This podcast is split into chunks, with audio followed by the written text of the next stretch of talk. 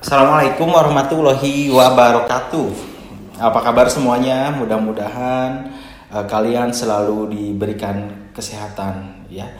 Apalagi di tengah pandemi seperti ini, kita harus ekstra menjaga kesehatan kita, ya ekstra menjaga jarak dengan uh, teman-teman lain, ekstra rajin cuci tangan, ya juga selalu bermasker Mudah-mudahan kita terlindung dari COVID-19 dan mudah-mudahan wabah ini segera berakhir. Dan semoga kalian pun dilancarkan dalam segala aktivitas kalian. Semoga diberikan keberkahan atas aktivitas kalian ya. Bagi mahasiswa yang sedang mengerjakan skripsi, mudah-mudahan dilancarkan ya. Bagi mahasiswa magister yang sedang menyusun tesis pun sama diberikan kelancaran dan mahasiswa yang menempuh gelar diploma pun sama ya. Semoga semuanya diberikan kelancaran. Nah, di di video kali ini saya tidak akan berbagi mengenai uh, materi ataupun tips ya yang biasa saya buat di video-video sebelumnya. Nah, di sini saya hanya ingin bercerita saja kepada teman-teman semua terkait memang pengerjaan skripsi Tentu saya pun merasakan bagaimana perjuangan saat menyelesaikan skripsi. Ya, butuh perjuangan. Apalagi waktu itu mahasiswa yang hanya uh, mempunyai budget yang terbatas saat proses pengerjaan skripsi ini uh, butuh lumayan juga ya print fotokopi gitu ya. Sampai waktu itu saat proses pengerjaan skripsi ini uh, saya patungan dengan teman-teman untuk membeli printer. Jadi setelah dihitung-hitung ternyata jauh lebih murah kita beli printer. Saya patungan dengan teman-teman saya lalu uh, saya beli printer yang bekas yang layak dipakai. nah saat proses uh, apa print ya print out skripsi untuk bimbingan sampai dengan proses uh, print jadi ya print out jadi skripsinya alhamdulillah itu terpakai printernya. Sampai rusak. Tapi bermanfaat sekali dan sangat menghemat sekali ya di sana. Itu sedikit perjuangan ya untuk menghemat. Nah lalu beli buku pun sama ya. Karena kan kita perlu sekali itu buku-buku referensi. Dan saat itu itu minim sekali untuk bisa akses internet. Kalaupun harus eh, apa searching atau berselancar di internet itu kita perlu ke warung internet ya atau kita sering sebut warnet yang menyewakan komputer sekaligus internet. Yaitu di jam biasanya waktu itu kalau nggak salah 7000 sampai dengan mungkin 15.000 ada sejam ya. Sehingga saya betul-betul memanfaatkan kalaupun harus ke warnet. Nah maka dari itu salah satu cara adalah kita akan sering main ke perpustakaan untuk mencari referensi buku nah terkadang sulit juga ya kita cari-cari pinjam di perpustakaan. Ternyata buku yang dicari tidak ada harus beli ya mau gak mau harus beli. Nah saya pun sama kadang patungan kalau misalnya beli buku yang metodologi penelitian misalnya ya harganya sekian ratus ribu ya saya patungan. Nanti yang kita gentian pakai gitu ya. Itu tips-tips saya waktu itu menghemat menghemat uh, biaya pembuatan skripsi.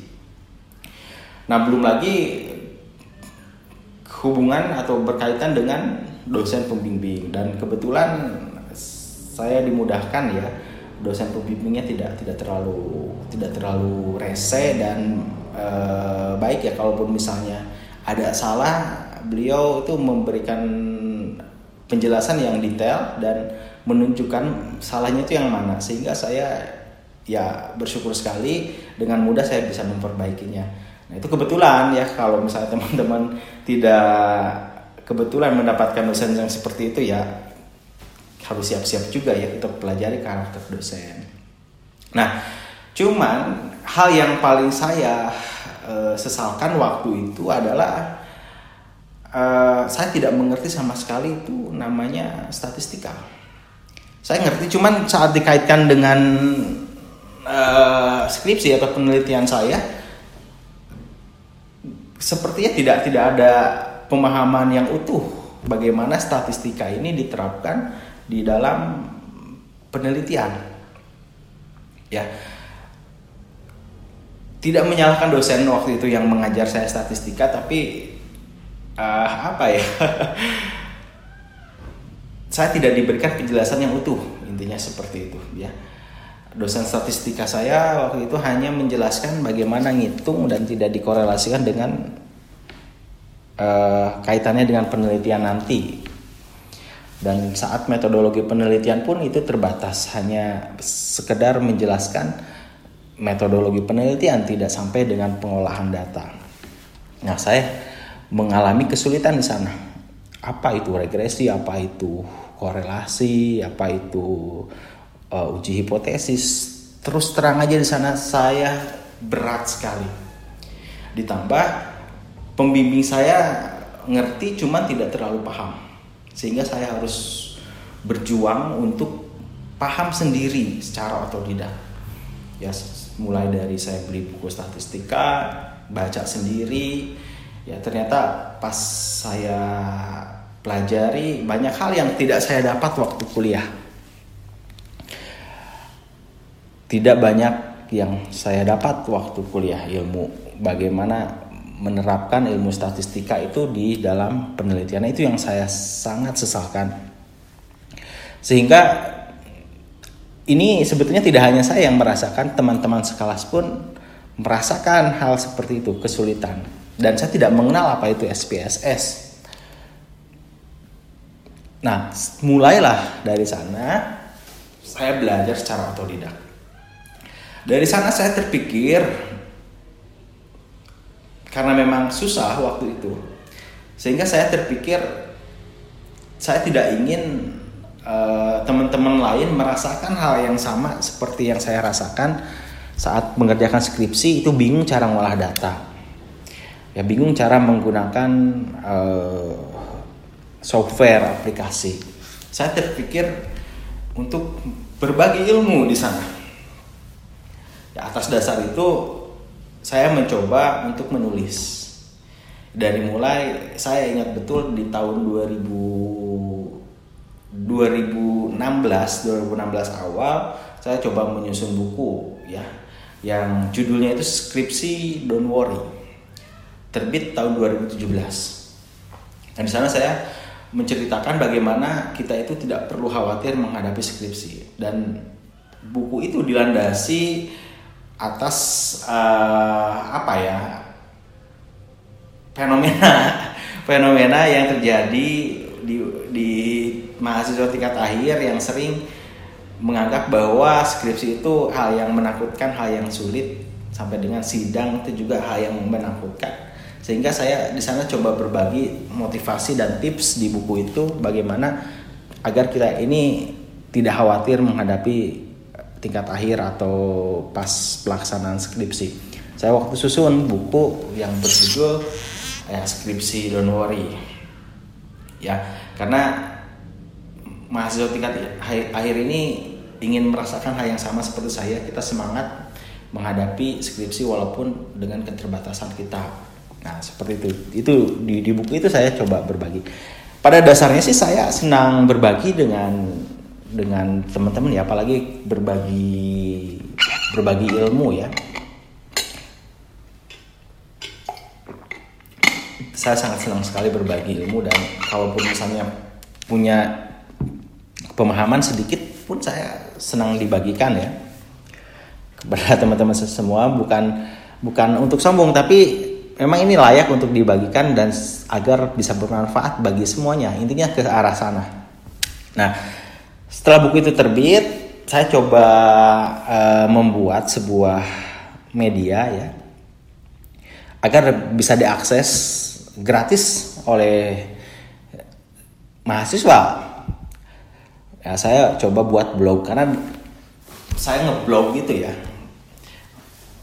Aktif nulis di blog itu dari tahun sekitar dari tahun 15 sih udah aktif. Mulai mulai sih mungkin dari tahun 2014 kan sudah mulai cuman di 2015 itu sudah aktif membuat blog ya.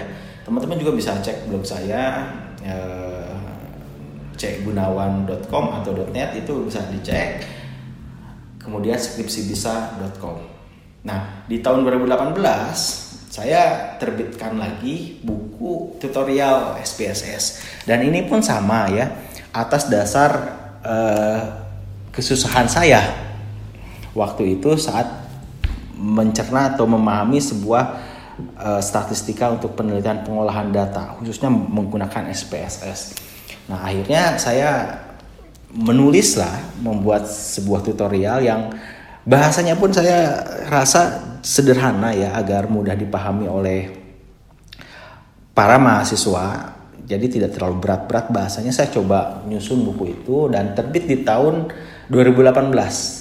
Nah, berbarengan terbit buku itu, saya coba buat blog dengan nama skripsibisa.com dan di sana semua bisa akses.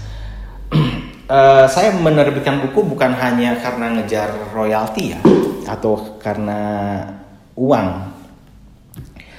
Tapi memang karena passion saya dalam berbagi ilmu kepada teman-teman semua Sebetulnya kalau hitung-hitungan uang dari buku itu kecil banget ya. Kalau misalnya taruh royaltinya 10%. 10% dari penjualan harga buku taruhlah misalnya 80 ribu. Berarti 10% hanya 8 ribu saya dapat dari satu buku.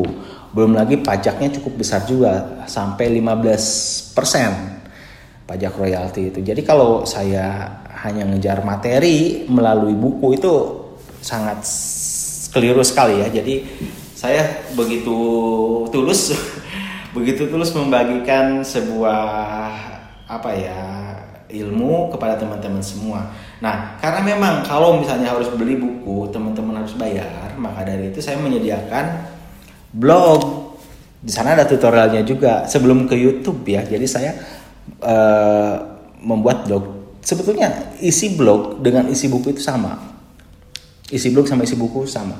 Kalau misalnya teman-teman tidak mau beli buku bukan artian uh, misalnya belum ada uang untuk beli buku ya teman-teman bisa lihat blog saya.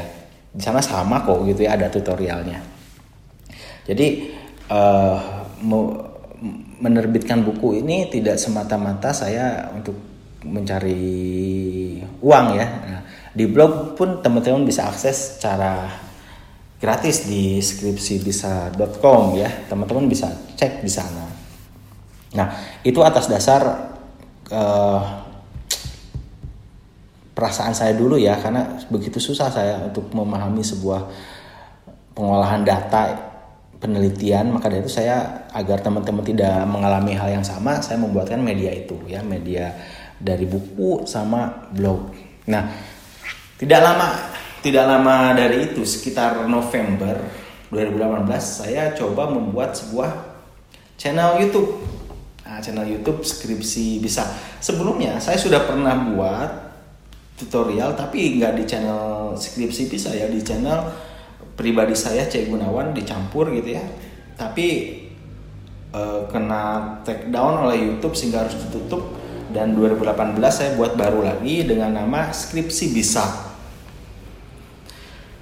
Nah di sana saya bisa leluasa untuk berbagi tentang uh, pengerjaan skripsi ya, terutama pengolahan data.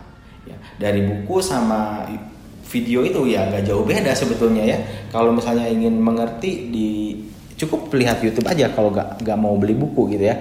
Syukur-syukur kalau misalnya teman-teman ya mau punya juga bukunya ya silahkan gitu. Nah, saya bangun sebuah YouTube. Lagi-lagi entah itu di blog atau YouTube, orientasi saya tidak hanya tidak hanya kepada materi ya. Tapi bagaimana ilmu yang saya pahami ini bisa tersebar luas dan bisa dimanfaatkan eh, uh, oleh teman-teman semua. Intinya bagaimana hal yang saya lakukan ini bisa bermanfaat bagi orang lain. Intinya ke arah sana. Kalaupun misalnya saya dapat dari AdSense itu hanya bonus saja. Dan terkadang kalaupun saya dapat penghasilan itu saya suka kembalikan lagi berupa misalnya giveaway buku ataupun nanti uh, ada bagi-bagi buat dana penelitian. Saya coba kembalikan lagi ke dalam itu semua gitu ya. Uh, jadi intinya saya membangun sebuah blog menulis sebuah buku dan uh, membangun sebuah channel YouTube itu tidak berorientasi kepada materi. Saya hanya ingin bagaimana apa yang saya pahami ini bisa tersebar luas dan bisa bermanfaat bagi teman-teman semua khususnya bagi mahasiswa yang sedang menyusun skripsi ya. Karena saya merasakan betul saat itu sulit untuk bisa memahami bagaimana cara pengolahan data ya. Karena saya gak mau teman-teman uh, merasakan hal itu sehingga saya menyediakan medianya seperti ini. Beruntunglah bagi teman-teman yang sekarang mendapat dosen yang sangat detail dalam pelaksanaan atau sangat concern sekali saat mengajar uh, statistikal, apalagi dikorelasikan atau dihubungkan dengan bagaimana penerapannya di penelitian itu sangat untung sekali. Dulu saya nggak seperti itu sehingga takut teman-teman saya, adik-adik saya merasakan hal yang sama, jadi saya membuat media-media bagaimana bisa diakses oleh teman-teman semua. Nah, jadi seperti itu teman-teman semua. Jadi uh, motif saya untuk membuat sebuah media pembelajaran yang bisa diakses adalah bagaimana ilmu saya bisa tersebar luas meskipun belum terlalu banyak ya yang saya punya ilmunya. Dan dengan segala keterbatasan saya saya mencoba bagaimana ini bisa dimanfaatkan oleh uh, halayak ya terutama mahasiswa ya. Saya tidak tidak merasa uh, saya sangat pintar dalam bidang ini tidak ya. Saya hanya ingin membagikan aja apa yang saya pahami. Saya masih harus banyak belajar uh, saya masih harus banyak uh, cari ilmu dan cari pengalaman lain sehingga mudah-mudahan saya bisa berbagi lagi kepada teman-teman semua. Nah intinya sih seperti itu ya dengan adanya media-media atau channel yang saya buat di sini. Nah kemudian eh, dalam proses pembuatan skripsi waktu itu karena memang saya keterbatasan dalam hal pemahaman pengolahan data, saya sangat berjuang keras bagaimana bisa memahami itu apa pun caranya. Sampai saya tanya sini tanya situ gitu ya. Uh, dan akhirnya bisa terlewati. Dan bahkan ternyata apa yang saya lakukan itu ada yang keliru waktu itu. Saat proses pembuatan skripsi dalam pengolahan data ketika saya tahu sampai saat ini oh ternyata mengolah data saat saya skripsi itu salah tapi alhamdulillah bisa bisa diluluskan ya. Jadi saya baru sadar sekarang sekarang bahwa saat itu saya uh, mengolah data dengan cara yang salah. Tapi tidak terlalu fatal ya. Mungkin karena pertimbangan itu penguji meluluskan saya. Nah jadi itu ya teman-teman semua. Uh, banyak cerita sih yang yang yang memang uh, saya ingat saat proses pengerjaan skripsi ini ya sampai saya membuat sebuah media-media seperti ini ya tidak lain hanya untuk berbagi saja kepada teman-teman semua. Tidak ada motif lain. Seperti itu ya teman-teman. Uh, yang mudah-mudahan kalian pun selalu dilancarkan ya. Apalagi kalau misalnya teman-teman yang saat ini berjuang uh, dan harus membiayai sendiri. Dan saya merasakan hal itu. Bagaimana harus lulus berjuang selain memikirkan uh, apa skripsi harus selesai tapi memikirkan juga bagaimana bayar semesteran. Wah itu double sekali pikirannya ya. Sambil bekerja kuliah terus ngerjain tugas itu hal yang sangat luar biasa. Jadi teman-teman harus tetap tetap semangat. Ya, tetap semangat me, mengerjakan skripsi dan lulus lah gitu ya. Jangan sampai lulusnya tidak tepat waktu ya. Dibatasi karena mahasiswa abadi itu ya paling lama tujuh tahun. Setelah tujuh tahun nah ini setelah tujuh tahun do ya. Jangan sampai kelewat batas itu. Ya bagusnya 4 tahun lah selesai. Ya normalnya 4 tahun. Kalau lima tahun 6 tahun udah termasuk mahasiswa telat. Apalagi tujuh tahun sangat telat dan lewat dari tujuh tahun di DO lagi. Nah jangan sampai seperti itu. Ya kemudian uh, manfaat saat setelah ya setelah lulus uh, yang dirasakan manfaat ketika proses pengerjaan skripsi ini banyak ya yang saya rasakan. Dan terkadang kangen kondisi-kondisi tersebut. Bagaimana menunggu dosen ya.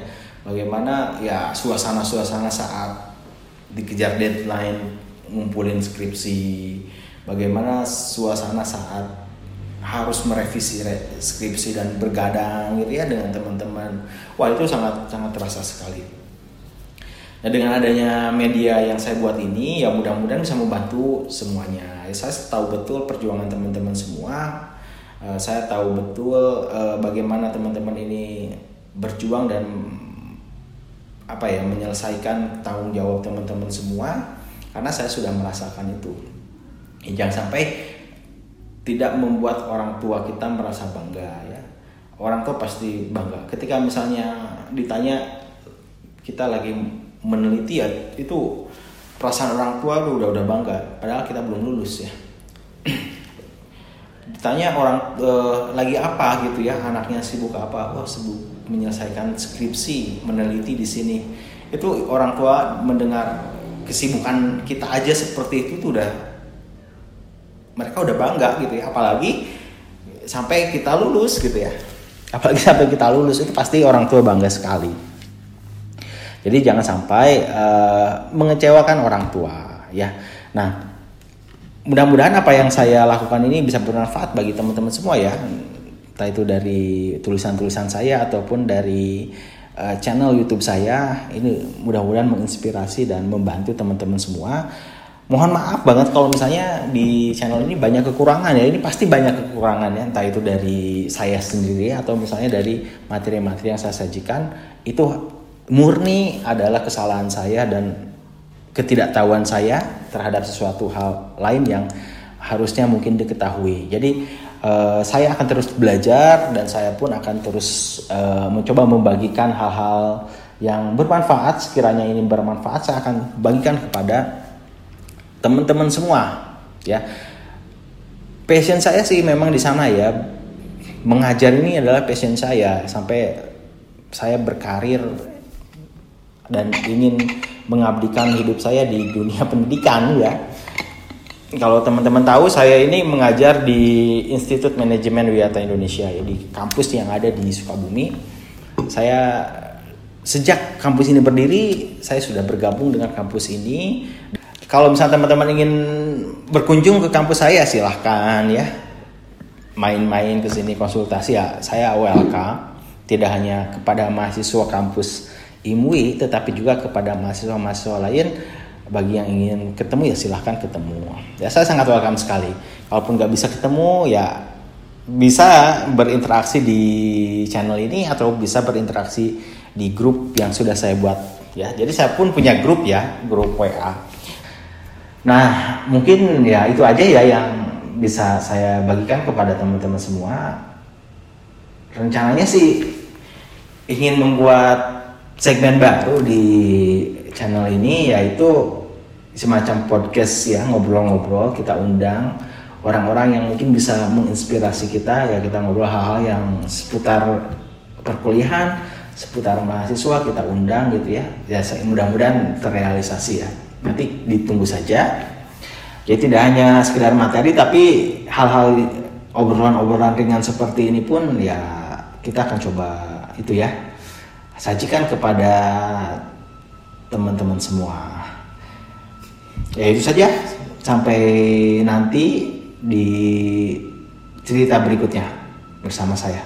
Assalamualaikum warahmatullahi wabarakatuh.